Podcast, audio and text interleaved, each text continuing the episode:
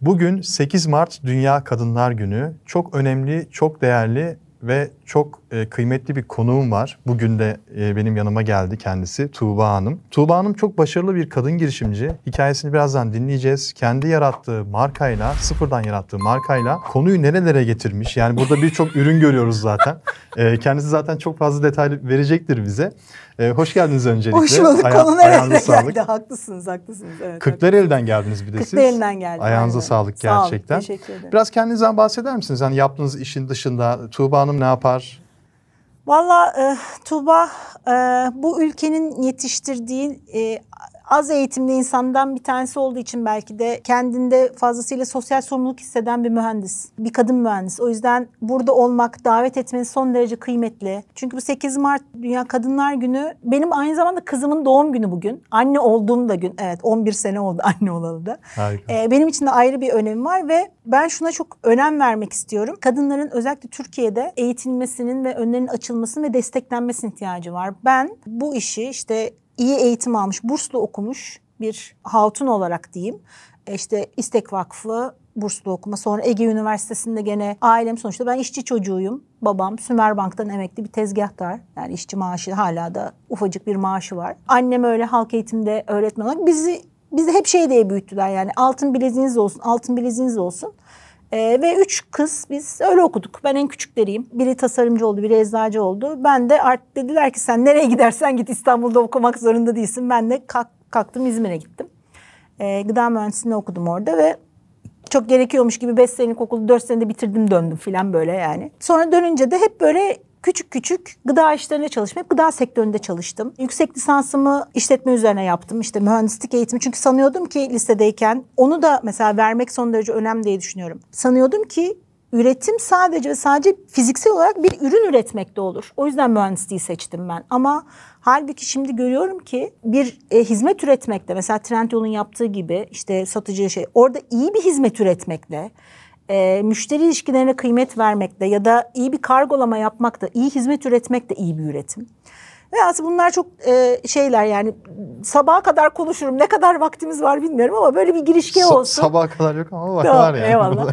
ee, ben asıl e, hep böyle küçük küçük butik işletmelerde çalıştım. 4-5 tane markanın kuruluşunda çalıştım. Mühendislik eğitiminin üzerine de işletme yüksek lisansı böyle ekmek tatlısının üzerine kadayıf, kadayıfın üzerine güzel bir kaymak olur diye düşündüm. Bunu da yaptım. Bence de olur. Ee, o, ama orada ürün farklılaştırması yüksek lisans tezimdi. Şimdi anlatacağım gibi o birazcık onun canını okumuş durumdayım. Birçok ürün çıktı çünkü Makar Lütfen tarafında. Ne oldu? Eşimle tanıştık işte ve e, evlendim. O zaman işte organik bir e, üretim yapan bir şirkette İstanbul'da çalışıyordum. Sonuçta e, hamilelik vesaire işten ayrılıyorsunuz doğal olarak. Ve e, bebişi kucağıma aldığım zamanlarda da yani bir sene işte bebişi büyütürüm, e, bir yere getiririm. Hani çalışmak zorunda da değilim gibi. Ama sonradan fark ettim ki benim çalışmam gerekiyormuş. Ben kafayı yi- yi- yiyordum yani. E, Kadınlar Çok zaten zordu. kadınlarda Çok zordu. zaten öyle bir durum var. Yani çocuk büyütürken e, çocuk belli bir yaşa geldiği zaman ya da belli bir döneme ulaştığı zaman ki ben bunu eşimden dolayı biliyorum. Eğer çalışmazlarsa gerçekten onlar için hayat daha da zorlaşıyor. Yani Aynen. kafayı yeme noktası dediğiniz nokta var ya o aslında insan çalışarak hem oyalanıyor Evet. hem üretiyor hem kendine faydası oluyor hem evine faydası oluyor. Kesinlikle, Hem de kesinlikle. sizin gibi e, insanlara faydası olan işler çıkartabiliyor. Evet benim işte o uzun emzirme gecelerinde bir şeyler yapmalıyım e, fikri çok şey yaptı beni dürtüşledi açıkçası. İşte yavaş yavaş danışmanlık vermeye, iş bakmaya falan başladığım sırada da eşim dedi ki ben diş hekimi kendisi. Ben de, de hep devlete girmek istiyordum ve kurayla o sene son kurayla devlete diş hekimleri için bir kura açıldı ve o da annesinin memleketi Kırklareli. Biz hep böyle yakınlara yazmıştık. Yani işte e, şeye gitsin, Çorlu'ya gitsin, İstanbul'dan gideriz. İstanbul'u bırakmak, şimdi mesela geçen rakamlar açıklandı. En son nüfus sayımında 55 bin hane İstanbul dışına çıkmış. Yani Türkiye tarihinde herhalde ilk ilk defa İstanbul kan kaybediyor ama 10 sene önce böyle abi biz Mars'a koloniye yerleşiyoruz filan gibi reaksiyon vermişti arkadaşlarımız. Yok hala vallahi bak e, Kırklareli misak-ı milli sınırları içinde filan diye insanlara anlattığımı hatırlıyorum. Kalktık gittik 2011 senesinde ama orada da şöyle bir sorun oldu. Ben 15 senedir e, gıda sektöründe bir yere gelmiş birisi bir mühendis olarak oradaki firmalara biraz kalın geldim hani tabiri caizse. Çünkü taşrada, taşra diyeyim ya da işte İstanbul büyük şehirlerin dışındaki üretim yerlerinde genellikle vardiya mühendisi aranıyor. Ben artık çocukluğu 30 yaşını geçmiş bir insan olarak gerçi yapmadım da değil kaldım da çünkü çalışabileceğiniz bir yer yok. Ve ondan sonra iş iyice sıkıştırmaya başladı. Hem o Kırklareli'ne taşınmadan önce bir şeyler yapmalıyım kafasıyla şey birleşti. Kırklareli'nde hiçbir şey yok. Mutlaka bir şey yapmalıyım çünkü zorunluyum. Hani genelde girişimcilik hikayesi çok geliyordur size geliyor Evet. biliyorum. Zorunluluklar söz konusu oluyor. Ya işte hiç kimsenin iş vermeyeceği belki kriminal bir geçmiş söz konusu oluyor. Ya e, işte e, eğitimsizlik söz konusu oluyor. Bendeki olay e, bir şeyler yapmalıyım da ben. Tam o sırada da zaten şey eşim sebze yemediği için bol sebzeli makarnalar yapmakla meşgulüm. O aile yemeğimiz haline gelmişti. Bir gün Pardon sebze yemediği için bol sebzeli makarna Evet, yapıyorsunuz. evet. İşkence olmuyor mu? İşte o, orada trik orada, trik orada. Onu istemesini sağ, ikinci tabağı istetecek kadar. Mesela kerevizli yaptım bir gün. Kereviz yemiyor çünkü adam sebzeyi bir tek ben yiyorum evde. E, çocuğum da ona çekecek sorun. Gerçi ona çekti. o da sebze yemiyor hala ama güzel bir iş çıktı buradan. Ne yaptım? Kerevizi, böyle kocaman bir kerevizi haşladım. Püre haline getirdim. İrmik ve unla karıştırdım.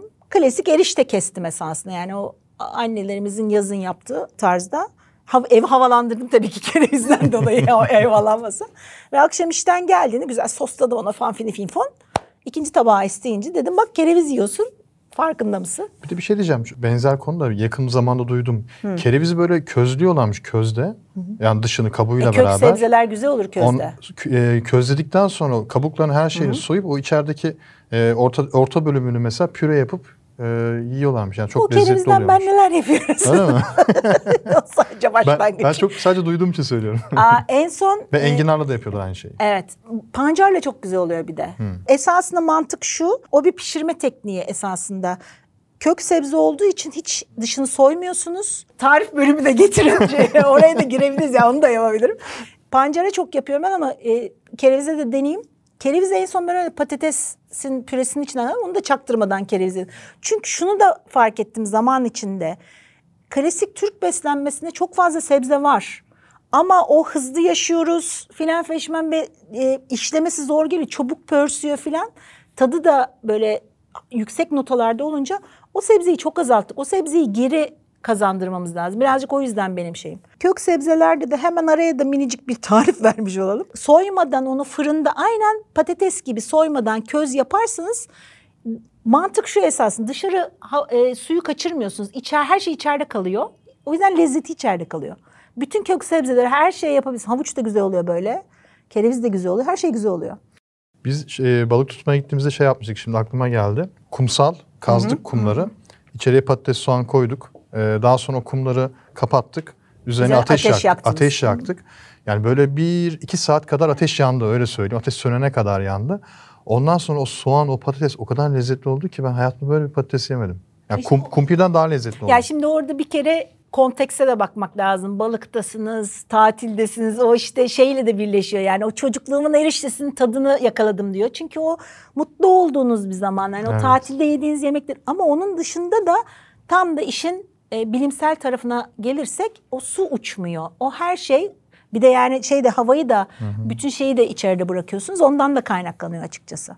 Peki makarnam lütfen markasını çıkartmak yani ilk, ilk defa bu markayı böyle herkese sunmak, herkese e, üretim e, seri üretim halinde sunma fikri bu şekilde başlamış olsa da e, bu kaliteyi, bu üretim yani seri üretimle nasıl korudunuz, nasıl devam ettiniz? Ya oradaki olay esasında ben çok sonraları işte bu işte melek yatırımcı görüşmelerinde filan sen bunu yapmışsın. O da işte lean bir şeymiş, onun ne girişimmiş. Onlar İlk önce prototipi ürettim. Kocama yedirdim kereviz makarna. Sonra ufacık bir makinayla deneme üretimi. Sonra fason üretim. Gerçekten İstanbul'da makarna yapan bir firmaya gittim başında durdum makinelerin. Çünkü o makineyi, o yatırımı, bina, izin vesaire girebilecek şeyleriniz olmuyor. Aldım işte etiketi her şey. Sonra da onu internet sitesine açtım. Çünkü başka şansım yoktu. Yani fason ürettirdiğiniz bir şeyle gidip bir marketin kapısını çalmak son derece kolay bir şey değil.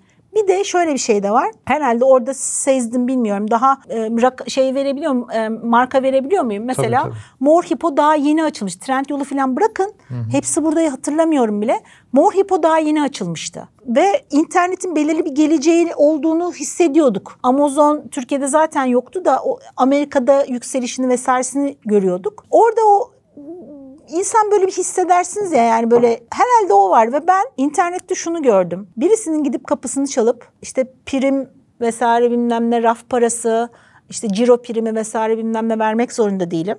Onların kurallarına uymak zorunda değilim. Burada kendi kurallarımı yaratabilirim.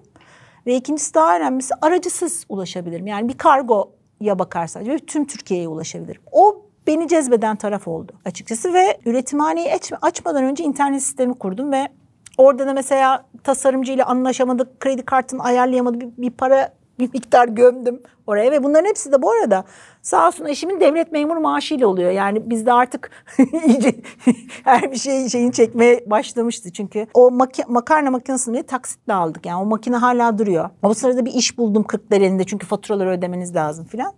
Annemle babam bebeğe bakmaya geldiklerinde kızıma makineyi ona bırakıyorum. Kerevizi vesaire tartıyorum. Baba geldiği zaman hemen böyle şey klasik mühendis kaç kilo ürettin? Ne kadar sürdü? Ne kadar kurudu? Hatta mesela şey yaptık. Oradaki üretimde makarnayı kurutmak için artık insanlar istemeye başladılar yavaş yavaş. Elden satışta makarnayı kurutmak için artık bizim kullandığımız tepsiler yetmemeye başladı. Çünkü tepsinin altı da biliyorsunuz kapalı bir sistem. Gittim e, bu pimapen falan yapan balkonlar sineklikler yapan bir yerden uzun bir balkon sinekliği aldım. İki tane güzel babamla beraber diş fırçası aldık. Çamaşır suyuyla o balkon sinekliğini bir güzel çamaşır suyuyla temizledik ve alttan tabii hava sirkülasyonu yaptığı için işte gıdanın mühendisliği bu. Mesela şimdi doktorlar şey diyor gıdanın mühendisliği bu. Bu işte kaynak kullanımı. Ben o küçük makinede ürettiğim ama günde gene de bir ev üretimini aşan 10 kilo 15 kilo makarnayı hızlıca kurutabilmek için öyle bir sistem et. Yani altına iki tane kitap koyuyorsun havaya kalkıyor ve sirkülasyonda çok rahat kurudu makarnalarım mesela. Esasın girişimciliğin şeyinde de bu var bence. Temelinde de bu var. O sorun çözme, mühendisliğin temelinde de bu var. O sorun çözme becerisi yani o, "Hmm, ne yapacağız filan diye böyle düşmeden devam etmek, devam etmek, devam etmek. Ve orada da zaten işte Ocak, 10 Ocak gibi 2013'tü başladık. Kendi internet sistemden makarnlütfen.com'dan satışa. İşte bütün fotoğrafları ben çektim, yazıları ben yazdım.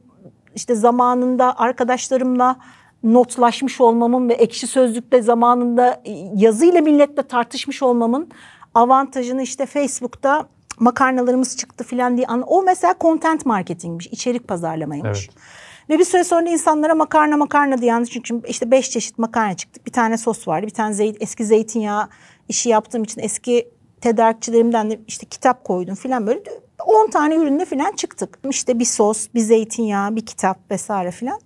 İnsanlar bir süre sonra Tuğba yani makarna makarna da bir de utanıyorsun da yani hep makarna anlatmaktan da.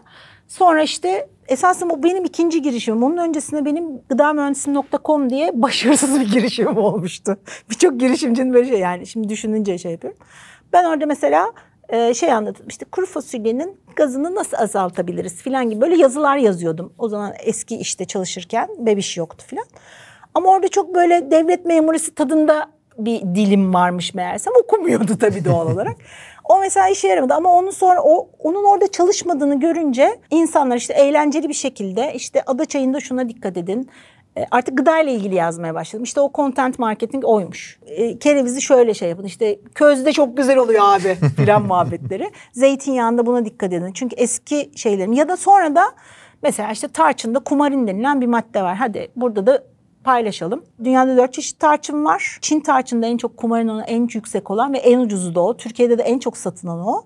Fakat özellikle çocuklarda fazla miktarda alırsa çünkü e, şey olarak kullanabiliyor aileler. İşte kakaoyu vesaire daha az kullansın diye tatlandırsın, sütü güzelleştirsin diye tarçın çok kullanabiliyorlar.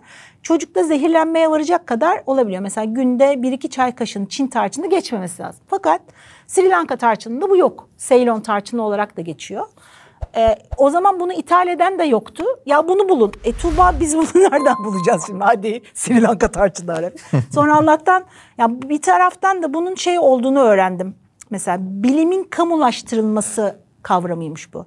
Çünkü bir bilgi var ve e, doktorlarımız, kanaat önderleri bunu söylüyorlar.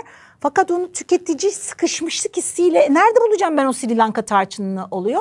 Orada işte biz devreye giriyoruz birazcık. Problemi e, çözebilecek hale gelmek orada önemli. Çünkü kimse çocuğuna bile bile lades demek istemez. Lades diyerek onu yedirmek istemiyor. Vel, velhasıl bu işte büyüdü. Ondan sonra dediler ki Tuğba işte biz kahvaltılığa ihtiyacımız var.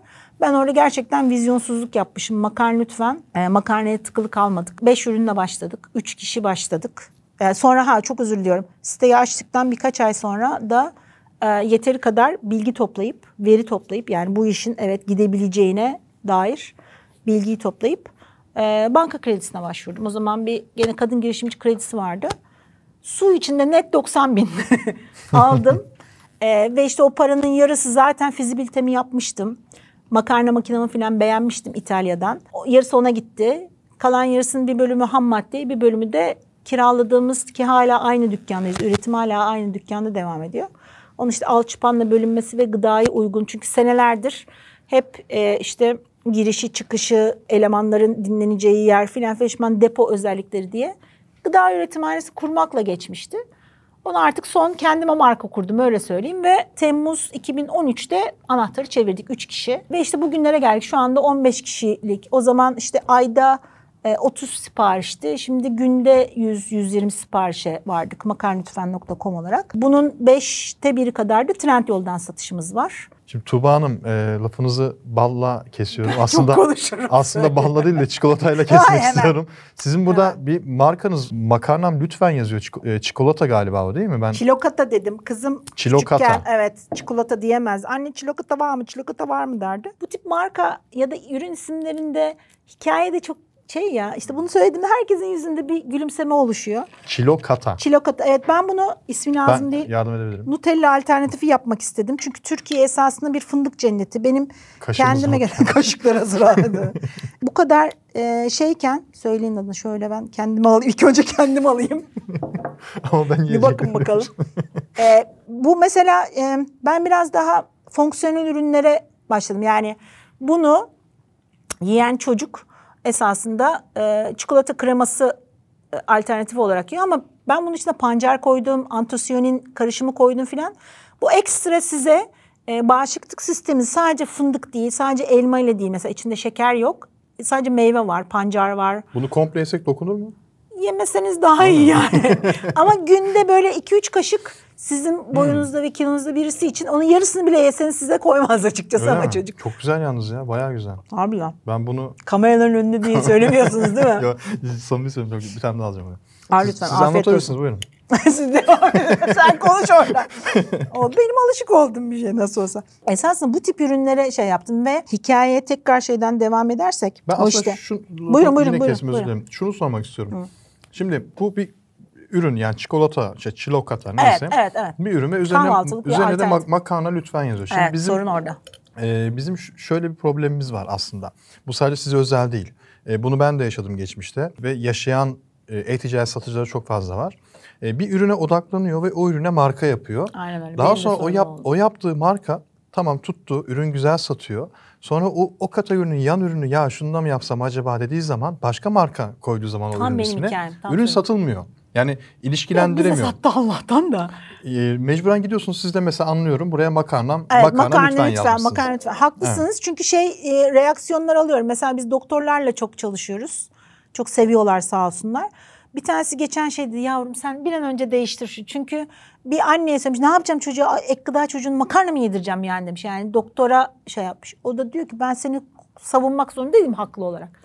Ben de diyorum ya o vizyonsuzluk var ya ben sadece makarna üreteceğimi sanıyordum ama sonra eş o işte content marketingde yani o içerik, o tarçını anlatma, aman e, faydam dokunsun diye zeytinyağını anlatma beni yüksek lisanslık ürün farklılaştırması yüksek lisans teziyle beraber 5 tane üründen yaklaşık 180 ürüne taşıdı.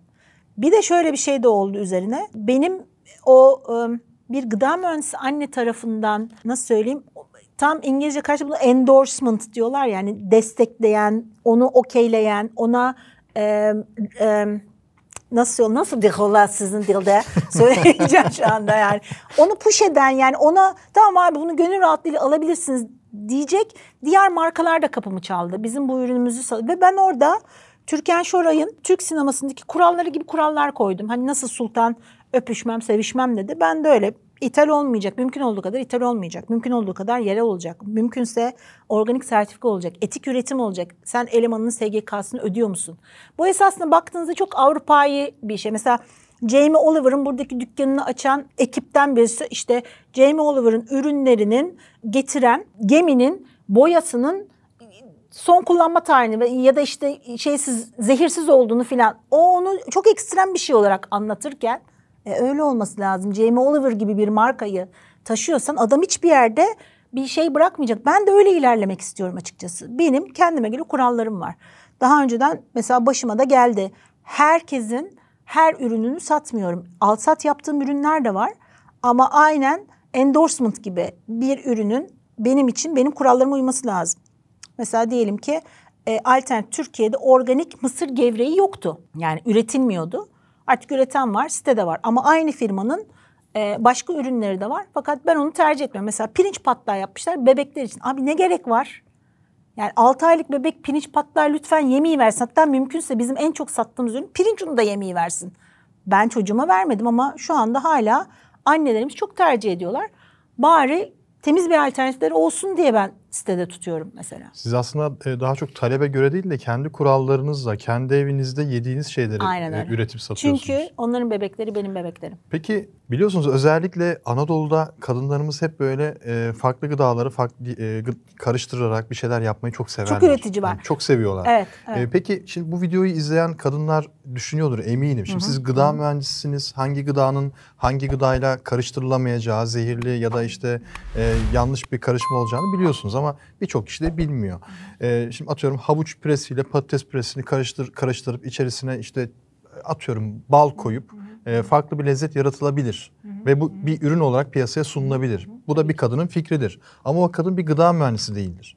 E, bu tarz girişimciler Olmak zorunda da değil. ne Olmak yapmak zorunda ne değil. yapması gerekiyor? Ya oradaki bana da çok geliyor. Yani bunun için danışmanlık veren firmalar da var. Yani sizi e, sıfırdan alıp e, etiketinizi vesairenizi izinlerinizi alıp şey yapan da ama bu genelde İstanbul gibi büyük firmaların gittiği yerler.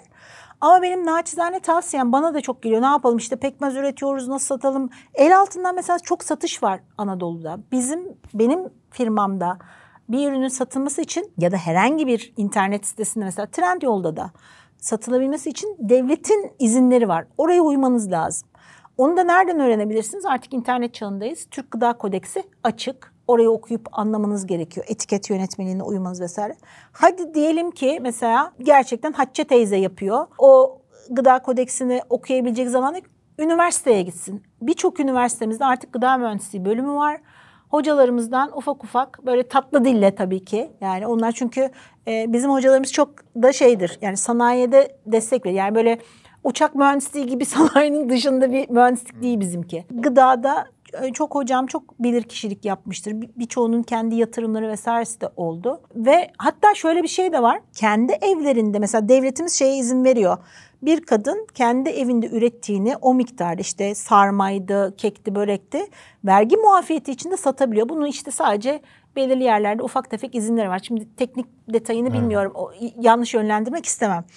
Ama büyük bir şeye geçtiğinde bir yerlerde fason ürettirebilmesi. Mesela ben fason üretim yapıyorum firmalara da, insanlara da.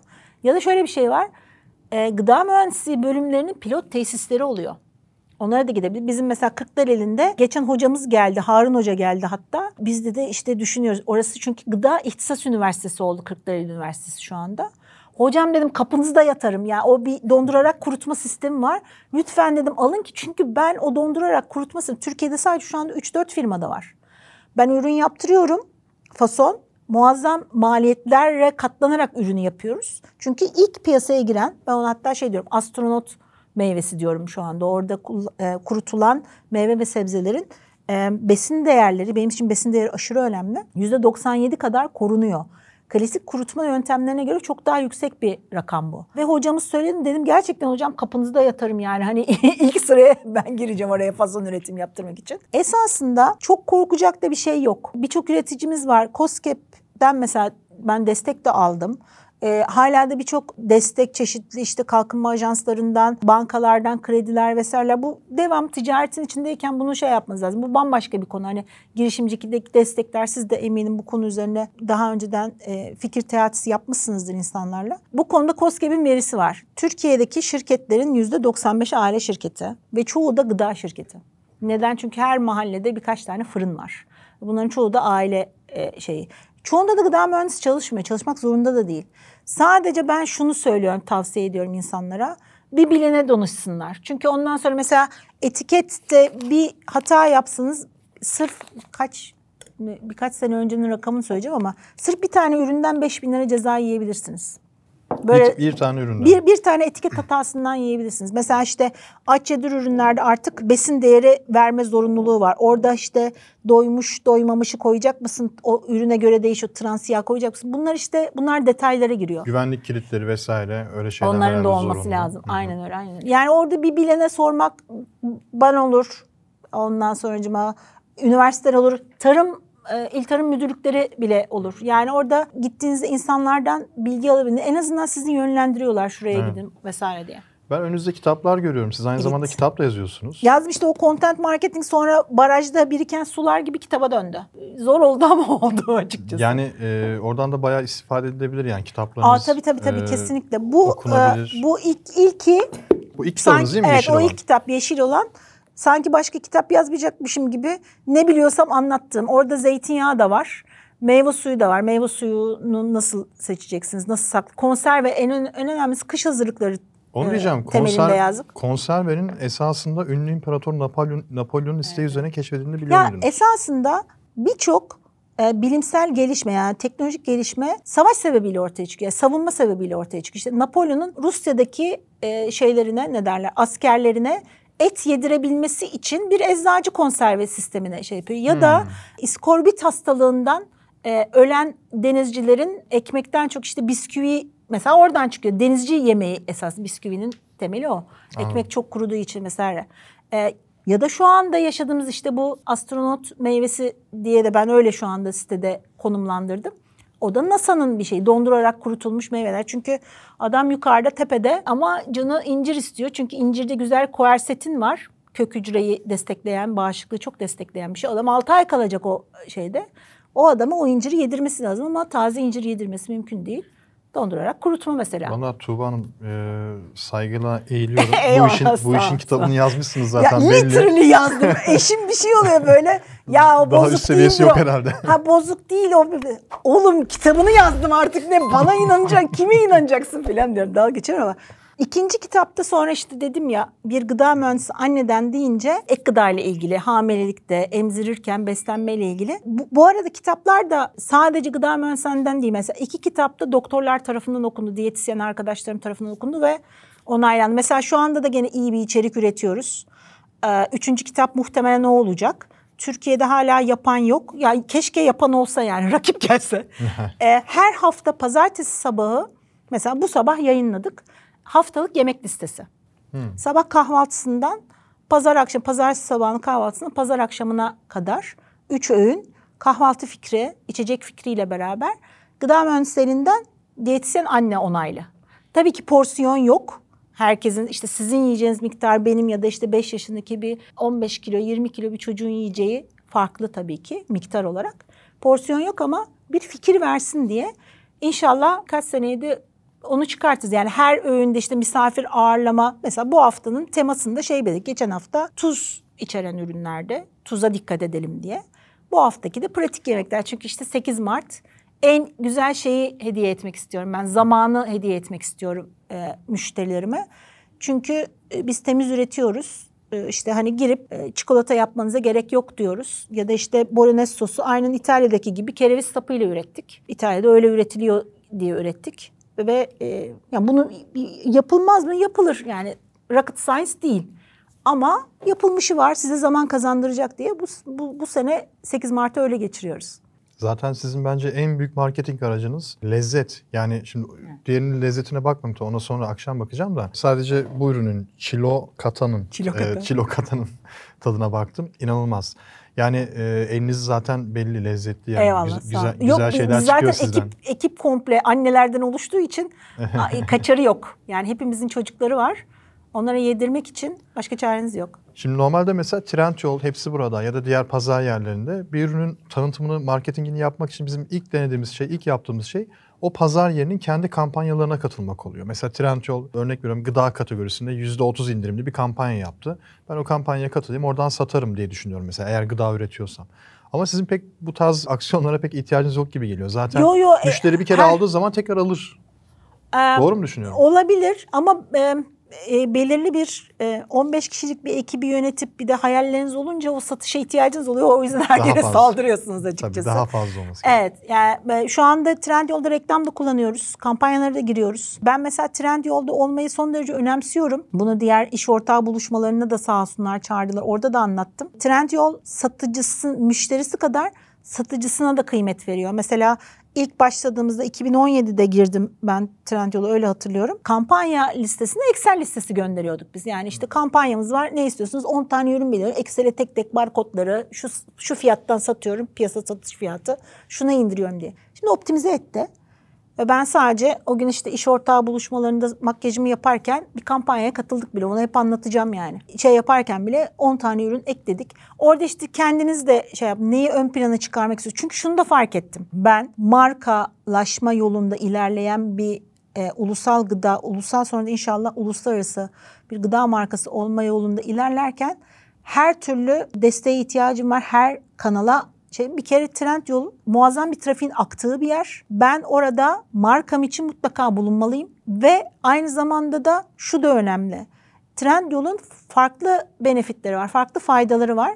Ben sitede farklı faydalar sunuyorum. Ben sanıyordum ki mesela şurada e, 3-5 ay öncesine kadar birisi beni Trendyol'da tanır, sonra gelir sistemden almaya devam eder filan. Aa, sonra bir baktım, dataya bakmak son derece önemli burada, veriye bakmak. Dönüp Trendyol'dan tekrar alıyorlarmış. Evet. Çünkü küçük alışveriş yapacağında oradan alıyor. İki tane bir şey aldığında başka bir kampanyayla birleştiriyor. Oradaki kampanyayı takip ediyor. Ya da oraya zaten mesela o, o anlamda da çok şey öğreniyorum ben. Trendyol'u neden tercih ediyor insanlar? Kart kaydedebilme özelliği, adres kaydedebilme özelliği, güven son derece önemli. Biz hemen onu kendi e, sitemize de taşıdık. Kart kaydetme. ben mesela kopyalıyorum çünkü abi Trendyol'dan daha mı iyi bileceksin yani. Türkiye'nin en önemli pazar yeri olmuş durumda. En çok ciro e, kazananlardan bir tanesi onu. O yapıyorsa bir anlam vardır. O tarafa gider. Trendi gerçekten belirliyor. O yüzden orada olmak lazım, takip etmek lazım diye düşünüyorum. Valla şimdi bir tabir vardır yani kadınlar için elinin hamuruyla e, şu işi yapma derler ya. Siz elinizin hamuruyla harikalar yapmışsınız ve gerçekten güzel bir marka kurmuşsunuz. E, çok iyi yerlere gelmiş. Daha da ben büyüyeceğine inanıyorum, Teşekkür düşünüyorum. ederim. Sağ olun. Sağ olun. E, eşime de söyleyeceğim. Bundan sonra bol bol ürünlerinizden alacağız. Eyvallah, eyvallah. Beklerim her zaman. Sizin çocuğunuz bizim çocuğumuz. Yani benim derdim şu. Onların işte mezuniyetinde, düğününde beraber göbek atalım istiyorum. Ya vallahi Evet. altınımı çeyreğimi alır gelirim yani hiç şey değil. olur olur çağırırım. beraber büyütelim. Katıldığınız için teşekkürler. Ağzınıza sağlık. Tanıştığıma çok memnun Eyvallah. oldum. Selamımızı da verelim. İzlediğiniz için teşekkürler. Siz de benzeri hikayeleriniz varsa, e-ticaret girişimleriniz varsa ve bana konuk olmak istiyorsanız videonun altındaki yorumlar bölümüne yazmayı unutmayın. Belki bir sonrakine sizi konuk etmiş olurum. Kendinize çok iyi bakın. Hoşçakalın.